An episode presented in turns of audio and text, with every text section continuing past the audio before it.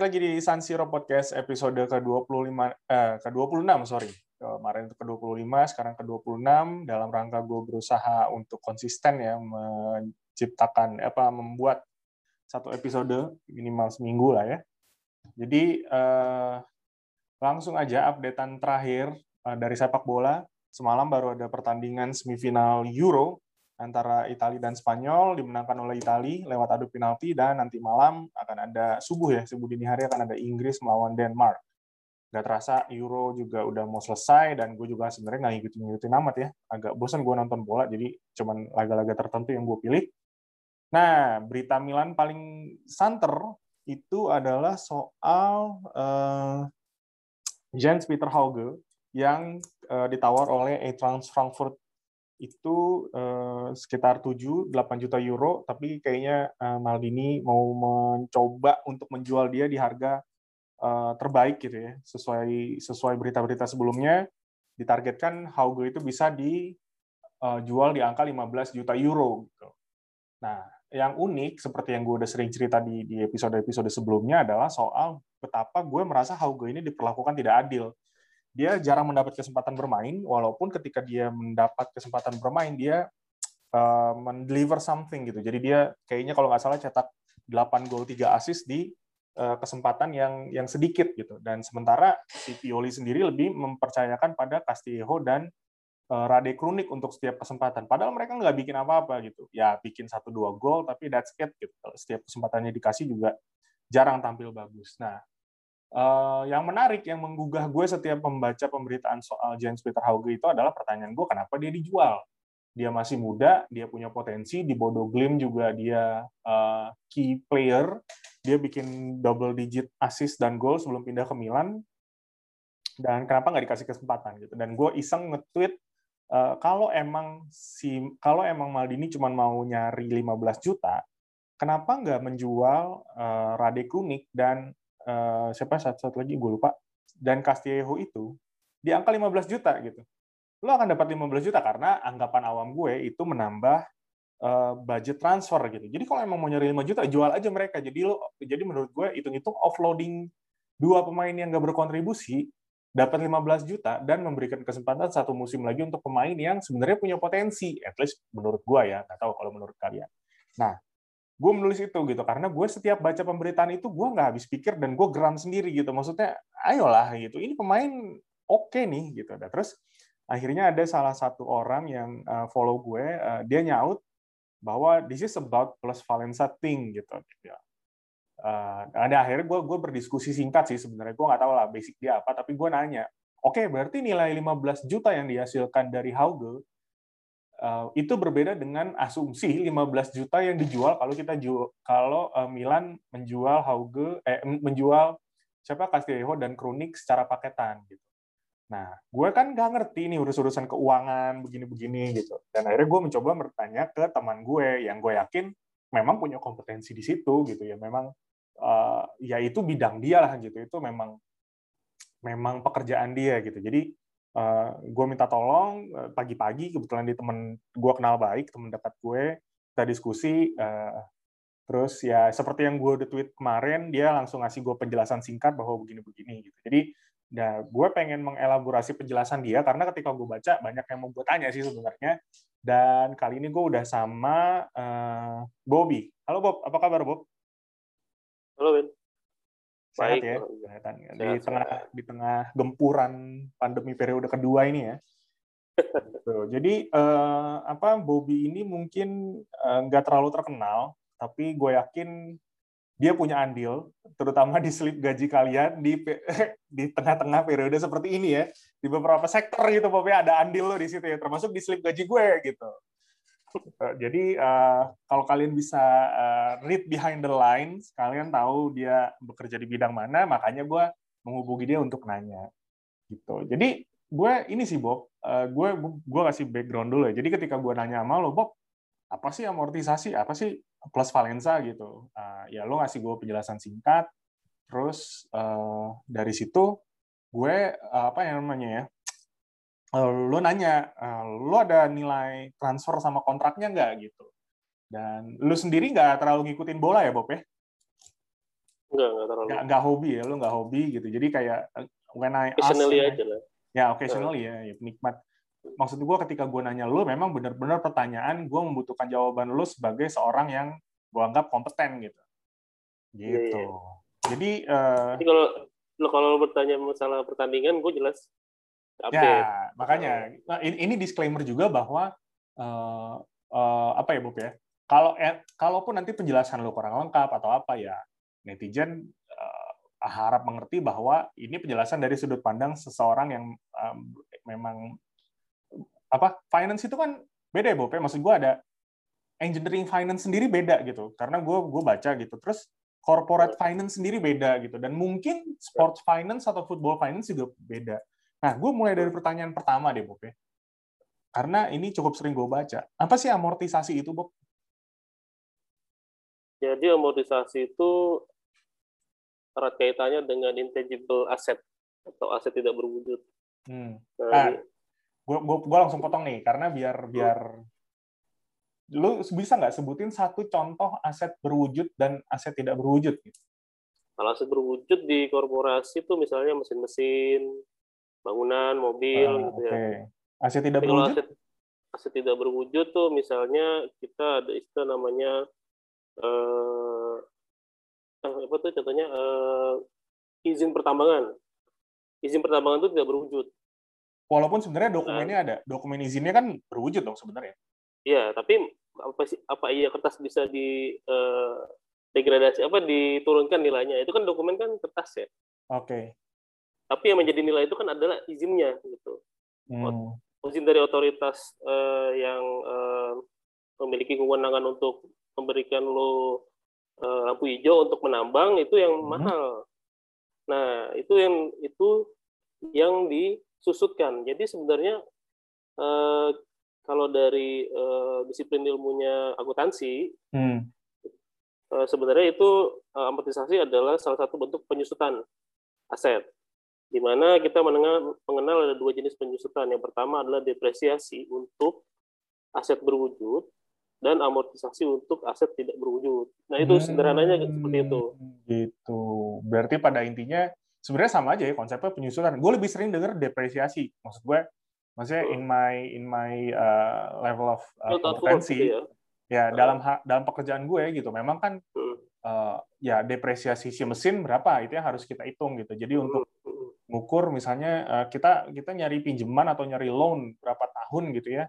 Uh, seimbang nggak sih bunga loan itu dengan uh, depresiasi mesin dengan profit yang oke gitu. Nah, Hmm. amortisasi itu sebenarnya depresiasi juga tapi untuk intangible asset. Iya penyusutan, Gitu penyusutan, bukan Penyusutan. depresiasi, penyusutan Oh, sorry. untuk aset tidak berwujud. Aset tidak berwujud. Dalam hal dalam hal ini deh dari diskusi singkat kita deh yang pagi-pagi itu dalam hal sepak bola berarti amortisasi itu apa, Bu? Kalau kita tadi Pak ambil contoh izin pertambangan misalnya kan, Nah, Nah, kalau di eh, dunia sepak bola kita mengenal kontrak pemain. ya. Nah, jadi sedikit sedikit ke belakang ya, sebenarnya ada yang namanya akuntansi untuk eh, aset biologis. Oh gitu. Nah, itu seperti seperti propose bahwa pemain sepak bola itu apakah menjadi aset biologis? Tapi enggak, kan rupanya eh, yang bisa yang bisa dinilai itu kan sebenarnya adalah kontraknya. Ya. ada nilainya kan kontraknya. Nah, Ah. maka di- dia bukan masuk ke akuntansi untuk akuntansi atas aset biologis, tapi dia masuk ke eh, apa itu namanya? eh, aset tidak berwujud.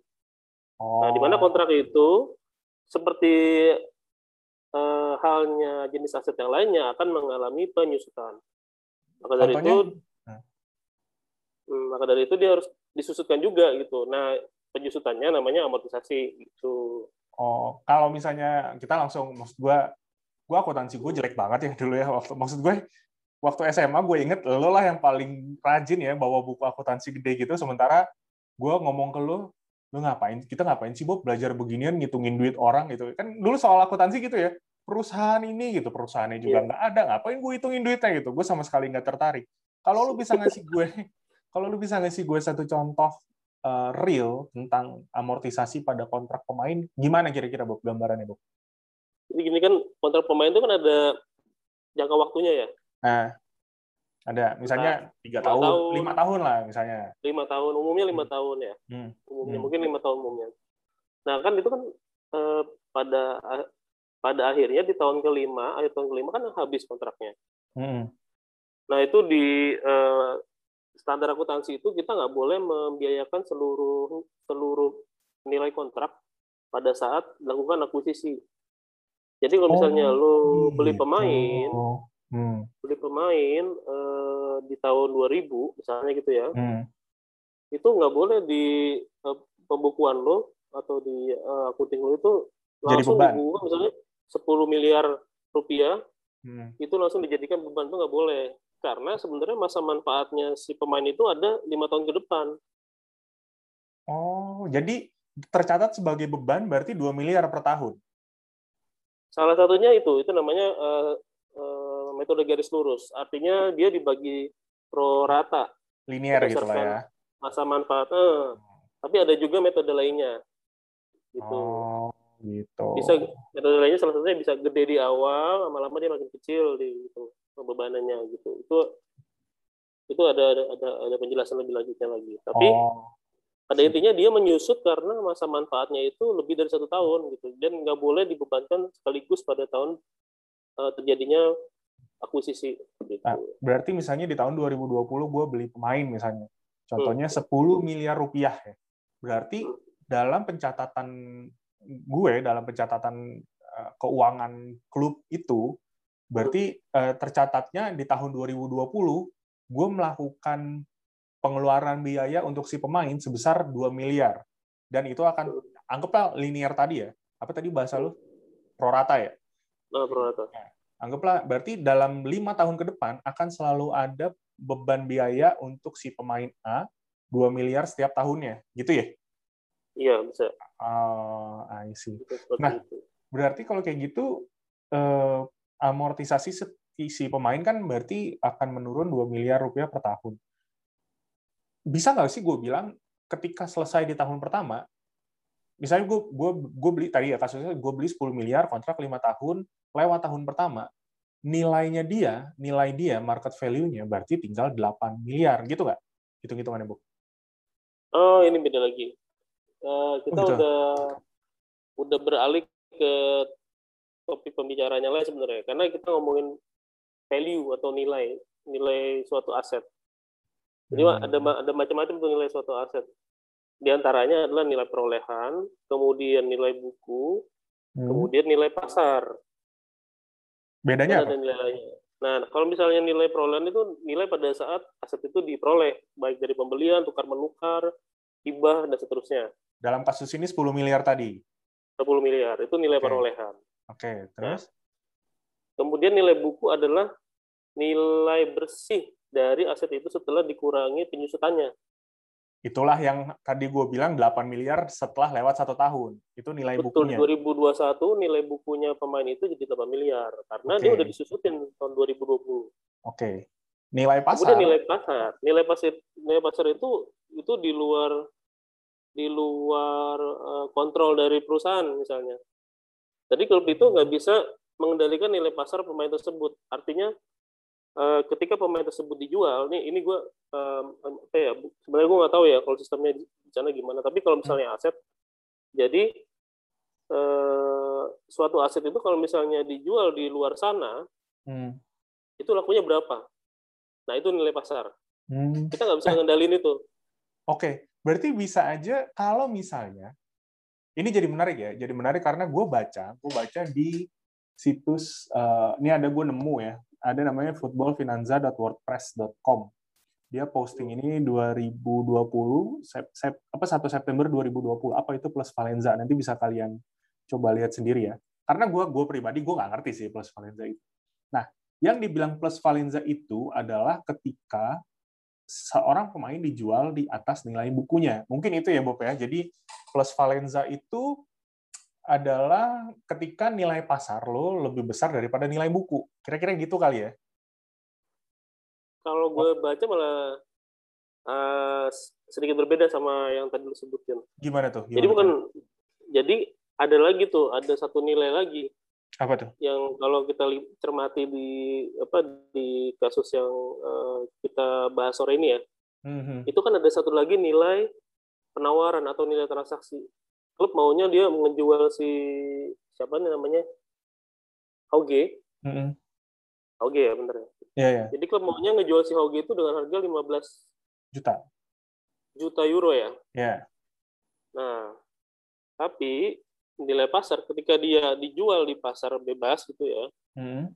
atau mungkin free transfer ya namanya apa sih namanya nggak tahu transfer biasa lah ah hmm. ketika dia di, uh, dijual pada saat itu uh, pada saat itu harga normalnya itu menurut pasar adalah sekitar 9 juta hmm. nah itu harga pasarnya tapi hmm. si pelatih mau si pelatih maunya ngejual dia eh, manajer apa pelatih atau gue? Hmm, ya manajemen lah. Ya eh, klubnya itu kan mau jualnya dari harga 15 juta. Hmm. Nah itu ada bukan nilai pasar tapi nilai penawaran sih, jadi macam nilai transaksi. Ya ya. Itu di luar tapi, lagi. Iya. Tapi maksud gue kayaknya ya yang dimaksud plus Valenza itu sendiri adalah ketika kita tadi ya misalnya di kasus tadi ya contoh 10 miliar rupiah nilai nilai bukunya kan berarti tinggal 8 miliar karena ada penyusutan satu tahun. Kalau gue berhasil jual dia di harga let's say 10 juta gitu ya. Berarti ada yang namanya plus valenza sebesar eh, eh sorry plus 10 juta, 10 miliar gitu. Berarti ada plus valenza 2 eh, miliar rupiah dan itu yang akan dijadikan keuntungan gitu kali Bob ya. Iya sih. Kasarnya sih sederhananya plus valenza itu profit. Ah. Nah, kasarnya sederhananya. Iya iya iya. Ya. I see, I see, I see. Nah, tapi kalau kita lihat dari dari kondisi tadi, hmm. Itu adalah selisih antara nilai transaksi, hmm. nilai transfer ya, nilai transfer hmm. benerannya kalau misalnya kejadian uh, dengan nilai bukunya. Hmm. Jadi nilai bukunya misalnya cuma tadi 4 juta, hmm. tapi nilai transaksinya adalah 15 juta, Hmm. Sedangkan nilai pasarnya 9 juta. Maka peskalensanya oh, adalah nilai gitu. transaksinya dengan nilai uh, bukunya yang 4 juta. Bukan dari nilai juta. bukan dari nilai pasarnya ya. Bukan, dari nilai transaksi oh. yang I see. Berarti ada kemungkinan ada kan gini, nilai pasar bisa saja lebih tinggi dari nilai buku. Tapi nilai bisa. transaksi bisa lebih tinggi dari nilai pasar. Bisa, bisa lebih ya, rendah juga. Bisa lebih rendah juga. Oke, okay, I see, I see. Ya, jadi kira-kira gitu ya. Nah, gue, lu ada ada ada apa ya, Bob ya? Ini kemarin kan kita sempat diskusi soal ada yang namanya goodwill gitu. Menurut lu masih berkaitan nggak sih dengan plus Valenza minus Valenza ini nih? Karena kemarin lu lu ngasih contoh ke gue langsung straight out, of nothing, lu bilang, lu tahu sepatu Air Jordan nggak? Dia bilang gitu. Secara nilai gitu-gitu. Kira-kira maksud gue masih ada kaitannya nggak? Kalau nggak ada ya kita skip. Tapi kalau menurut lu ini perlu jadi perbandingan, kita bisa diskusikan gitu. Perlu, perlu. Gimana tuh? Eh, sorry. Nah ini telepon bos ya kan? Iya. Ah, jadi gini, uh, jadi goodwill itu adalah dari sudut pandang si pembeli. Hmm. Dalam hal ini klub yang mau mengakuisisi si uh, pemain. Apa namanya? Hauge. Hauge. Hauge. Hauge. Hauge. Nah. Hmm. Jadi kalau dari klub yang beli, mereka itu menganggap selisih antara nilai pasar wajar yang 9 juta itu mm-hmm. dengan 15 juta yang mereka spend pada saat transaksi mm. kan sama dengan 6 juta ya 6 ya, juta itu, itu, itu dengan catatan beneran dijual 15 juta ya betul ya, ya misalnya ya. transaksinya 15 juta ya beneran uh. seandainya benar 15 juta maka si uh, klub yang beli itu akan mencatat bahwa terdapat goodwill sebesar 6 juta selisih antara nilai pasar wajarnya dengan nilai transaksi. Hmm. Nah, goodwill sendiri itu ditentuin apa, Bu? Kira-kira? Ada nggak sih kayak, kayak, kayak parameter yang menentukan, oke, okay, ya itu balik lagi karena gue nggak paham ya. Hmm. Uh, ada nggak sih parameter yang menentukan, oke okay nih dengan parameter ini maka goodwill-nya sekian, atau memang memang itu berdasarkan nego antara dua klub atau antara dua pihak penjual dan pembeli? Maksud gue gini balik lagi kalau di di engineering gitu misalnya ada istilahnya uh, lifetime-nya oh lifetime-nya udah segini nih berarti uh, kira-kira tinggal segini gitu harganya ya nggak sih ada nggak enggak sih. Ini lebih ke goodwill tuh kayak gini loh. Uh, kemungkinan dia akan membawa uh, nilai tambah ke perusahaan di masa yang akan datang gitu. Hmm. Nah ini nilai hmm. plusnya nilai plusnya dia itu dibayar duluan. Goodwill.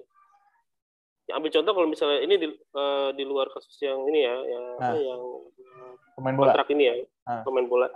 Ambil contoh misalnya kita melakukan pembe uh, pembelian merek. Hmm.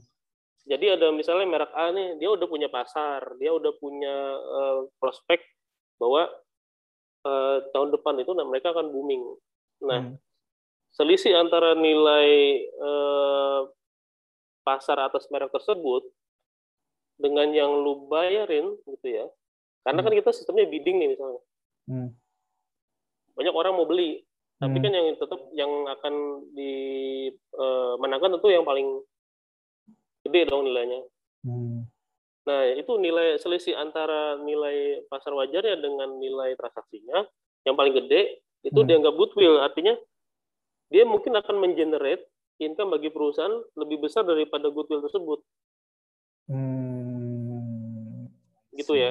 Ya, ya, ya, ya. ya. Jadi lu bayar lebih untuk mendapatkan lebih gitu loh. Ya, ya. Mungkin kalau kasusnya, bayar lebih. Kalau kasusnya yang tadi misalnya Jan Peter Hoge itu ya.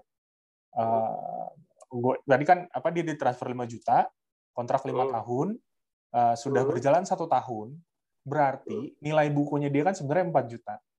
Market yeah. value-nya dia kayaknya kalau nggak salah 7 apa 8, tapi let's say dari tadi karena lu sebut 9, anggaplah market value-nya 9 nilai transaksinya 15 kalau seandainya kejadian. Ya kan? Nah, eh, dari sisi pembeli, selisih 6 juta euro itu adalah harga yang adalah goodwill yang mereka bayar dengan asumsi si Hauge ini mungkin bisa aja memberikan gelar juara pada tim tersebut gitu kali ya atau dari sisi berkontribusi ke terhadap jumlah gol misalnya. Ah, misalnya berprestasi atau apalah gitu. Hmm. Oh gitu. Oke oke, I see, I see. Karena sebenarnya gini kalau kita cermatin ya. Hmm. Misalnya tadi 9 juta, 9 juta nih harga pasarnya. Hmm. Jadi tahun 2020 ketika dia di uh, masuk tim itu harga hmm. transfernya kan 5 5 juta. Hmm. Tapi di tahun 2021 dia harga pasarnya udah 9 juta kan. Dalam kurun oh. waktu satu tahun dia naik 4 juta itu udah kalau di uh, bidang finance mungkin oh ini udah lampu hijau sih. Oh, Jadi satu tahun tuh bisa generate kenaikan nilainya dia itu sebanyak 4 juta gitu. 4 juta dari 5 juta coba bandingin. 80% ya, ya, ya. dari nilai awalnya dia tuh luar biasa sih, luar biasa itu, gede. Misalnya NPV-nya positif lah tuh ya. Kalau misalnya kita menganggap menganggap kenaikan berikutnya di eh, kenaikan harga pasarnya di tahun berikutnya sama misalnya. Hmm. 80% dengan tingkat yang sama. Maka di tahun uh, di tahun 2022 expected uh, market value-nya dia akan menjadi 9 juta dikali 180 persen. Hmm. atau 16,2 juta. Ya, ya ya ya, ya. itu aja dia udah cuan misalnya dibeli 5 juta. Kalau dia dia ngitung ini ini kasarnya ya kita ya, ya, ya, ya ada banyak ada ada banyak faktor gitu. Ini nih yeah. goblok-goblokan lah itu kan goblok-goblokan. Yeah. Iya. Ya, makanya ya makanya benar. Ini kan kita kita membahas dari sisi kayak lu kan sebenarnya sedang menjelaskan apa ya? finance or accounting 101 ke gue lah. Karena kita nggak kita belum membahas masalah gaji, belum membahas masalah bonus-bonus dan lain-lain. Kan kita nggak masukin parameter itu. Benar-benar kita masukin uh, parameter nilai transfer saja. Gitu. Oh, menarik menarik. Nah, sekarang yang menarik adalah ketika kita masuk ke contoh kasus sebenarnya. Itu tadi. Uh, eh, gue langsung kasih tahu lo. Ah, jadi ada tiga pemain nih dalam contoh kasus ini. Ada yang namanya Samu Castillo, ini pemain Lord ya, jago. Dia ditransfer 21,3 juta euro di kontrak lima tahun dari 2018 sampai 2023. Itu pemain pertama. Pemain kedua adalah Lord Radek Runik, ditransfer 8,6 juta euro di kontrak lima tahun dari 2019 sampai 2024 dan terakhir adalah Jens Peter Hauge. Pemain yang menurut gue kenapa lu jual gitu ya transfer 5 juta euro di kontrak lima tahun 2020 sampai 2025 uh, disclaimer gue ambil semua ini nilai dan durasi kontraknya termasuk market value-nya dari situs transfermarket.com gitu. Karena menurut gue itu uh, tempat paling gampang lah untuk ambil datanya. Dan lu you came back to me dengan sebuah Excel sheet yang sebenarnya udah gue posting juga tapi gue cut lah gitu. Maksud gue uh, kayak gue kasih teaser lah. Inilah kira-kira nih hitungan si temen gue nah gue gue bacain aja kali Bob ya. Maksud gue biar gue aja yang baca gitu. Nanti mungkin lu bisa ngejelasin kalau penjelasan gue uh, kurang atau eh atau lu aja deh. Takutnya gue salah gitu ngejelasin ya. Lu biar tahu lah gitu. Bagian-bagian mana yang penting yang menurut lo perlu dijelaskan gitu. Sebenarnya sih tadi kita udah jela, udah jelasin sih. Jadi hmm. ini uh, apa ya mungkin sambil sambil kita lihat di ini aja kali ya, monitor ya ya silakan Cisilah, lu dong, lagi. lu dong, gue ya. Bentar, bentar. Siapa? Iya. Siapa? Saya mau izin, Pak. Mau izin untuk share screen, Bapak-bapak. nah, ini ya. Gue jelasin dikit ya. Jadi uh, Bobby di sini menuliskan pemain dia uh, kasih codingan pemain A, pemain B, dan pemain C. A itu untuk Castillejo, B itu untuk Runik, C itu Jan Peter Hauge. Okay. Jadi uh, jumlah tahun amortisasi sampai tahun 2021 nilai sorry nilai amortisasinya dari ketiga pemain ini sampai tahun 2021 adalah itu tadi ya berarti uh, dua uh, dibagi kontrak dan uh, dikalikan dikurangkan tahun amortisasinya. Untuk Castillejo sendiri ada di 4,26 juta, Krunik ada di 1,72 juta, dan Hauge itu ada di 1 juta. Itu nilai amortisasinya. Nah, berarti nilai buku kontraknya si masing-masing pemain, Castillejo itu tinggal 8,5 juta, uh, Krunik itu 5,1 juta, dan Hauge 4 juta. Lalu ada nilai pasar di situs yang sama dari transfer market. Castillejo itu 8 juta, Kronik itu 6 juta, dan Jan Peter Hauge itu 9,5 juta. Nah, yang menarik di sini adalah uh, ketika gue kasih contoh kasus ke lu, gimana kalau si dua pemain ini, pemain A dan pemain B dijual paketan, seharga 15 juta. Nah, dari total nilai bukunya, berarti kan ngambilnya dari nilai-nilai bukunya ya, Bob ya? Iya, nilai kan? sisanya dia setelah dikurang okay. nilai kontrak, total nilai kontrak dikurangi total akumulasi amortisasi kan. Jadi kalau tadi lu sebutin itu cuma amortisasi per tahun yang 4,2 juta, 1,7 hmm. juta itu amortisasi per tahun, tapi ada akumulasi amortisasinya.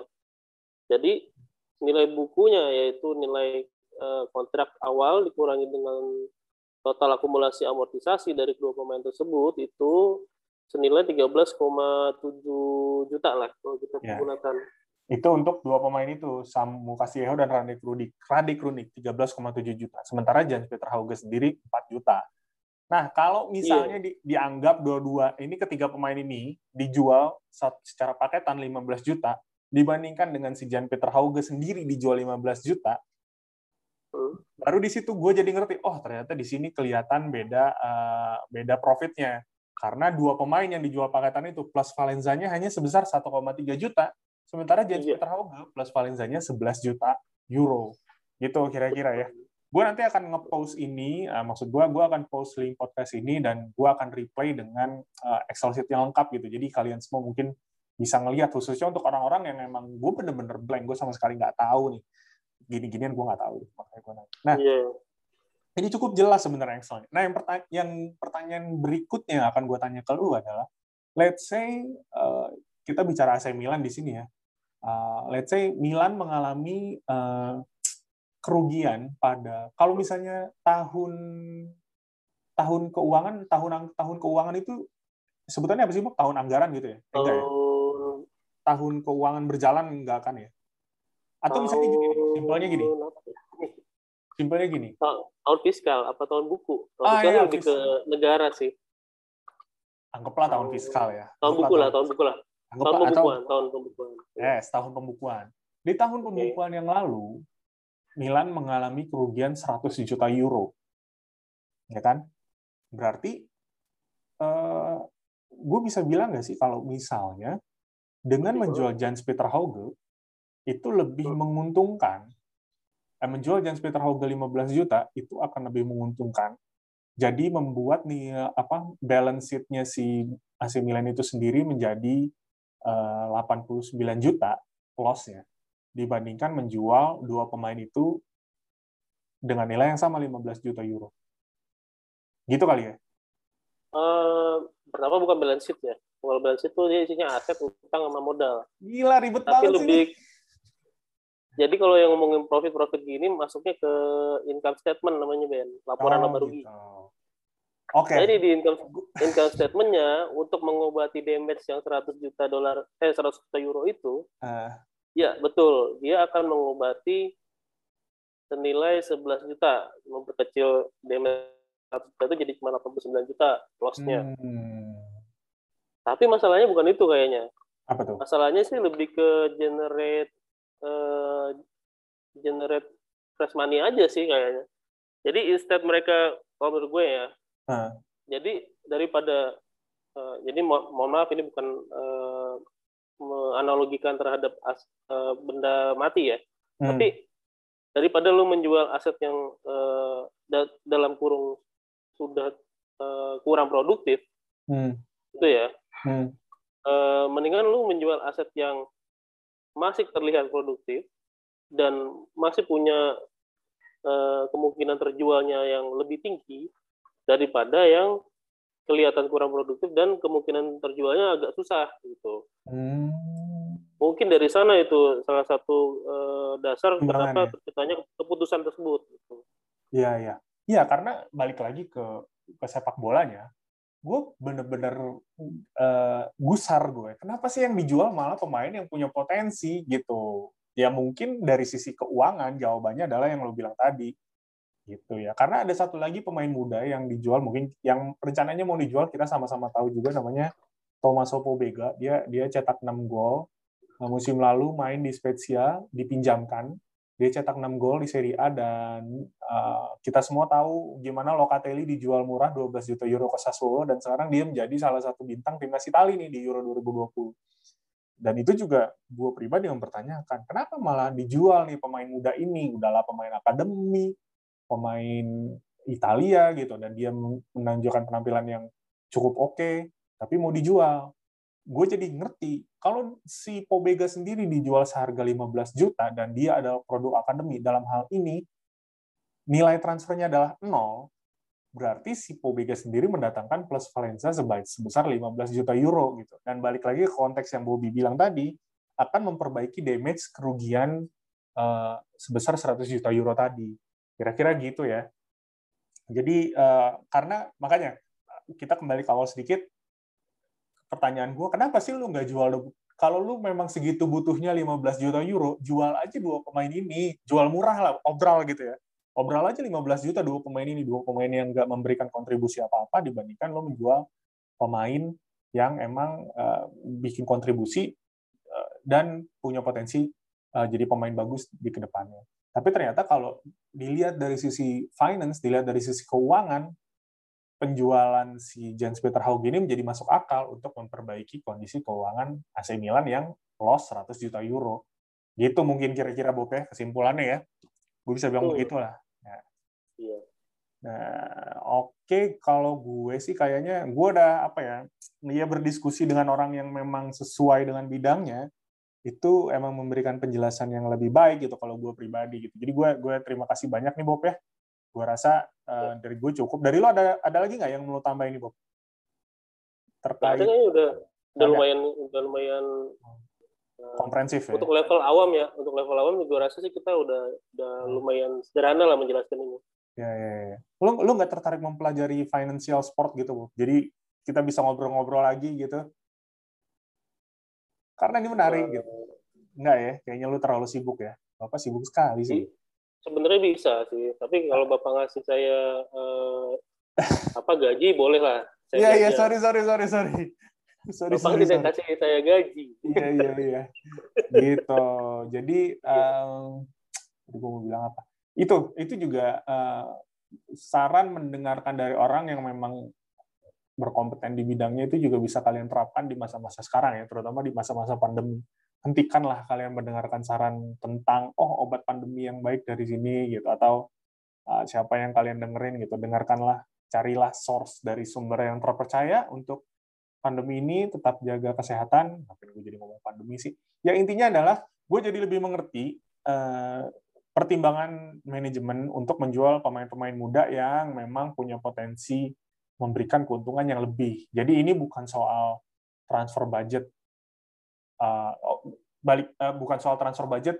Lu butuh 15 juta, lu cari aja pemain-pemain, lu jual seharga 15 juta. Ternyata nggak gitu. Ternyata hitung-hitungannya lebih kompleks dan yang dijelaskan Bobby tadi dan itu gue harap bisa membantu uh, kita semua atau kalian yang belum belum belum terlalu paham soal uh, plus Valenza dan financial sporting. Uh, gua rasa itu, uh, mohon maaf ya kalau sisi bolanya sedikit nggak terlalu banyak, tapi uh, ya ini cukup menarik. Jadi habis dari sini mungkin kita bisa menyikapi berita-berita transfer uh, dengan lebih baik. Gue rasa itu aja. Terima kasih ya Bob untuk waktunya ya. Walaupun lu nggak gue gaji, tapi lu mau mau meluangkan waktu untuk ngobrol, membikinkan Excel sheet seperti ini gitu, dan gue ganggu pagi-pagi gitu ya gue tanya thanks bro uh, appreciate it so much uh, ya terima kasih untuk kalian semua yang udah ngedengerin podcast ini. Sampai jumpa lagi di podcast uh, di San Siro podcast episode berikutnya. Ciao goodbye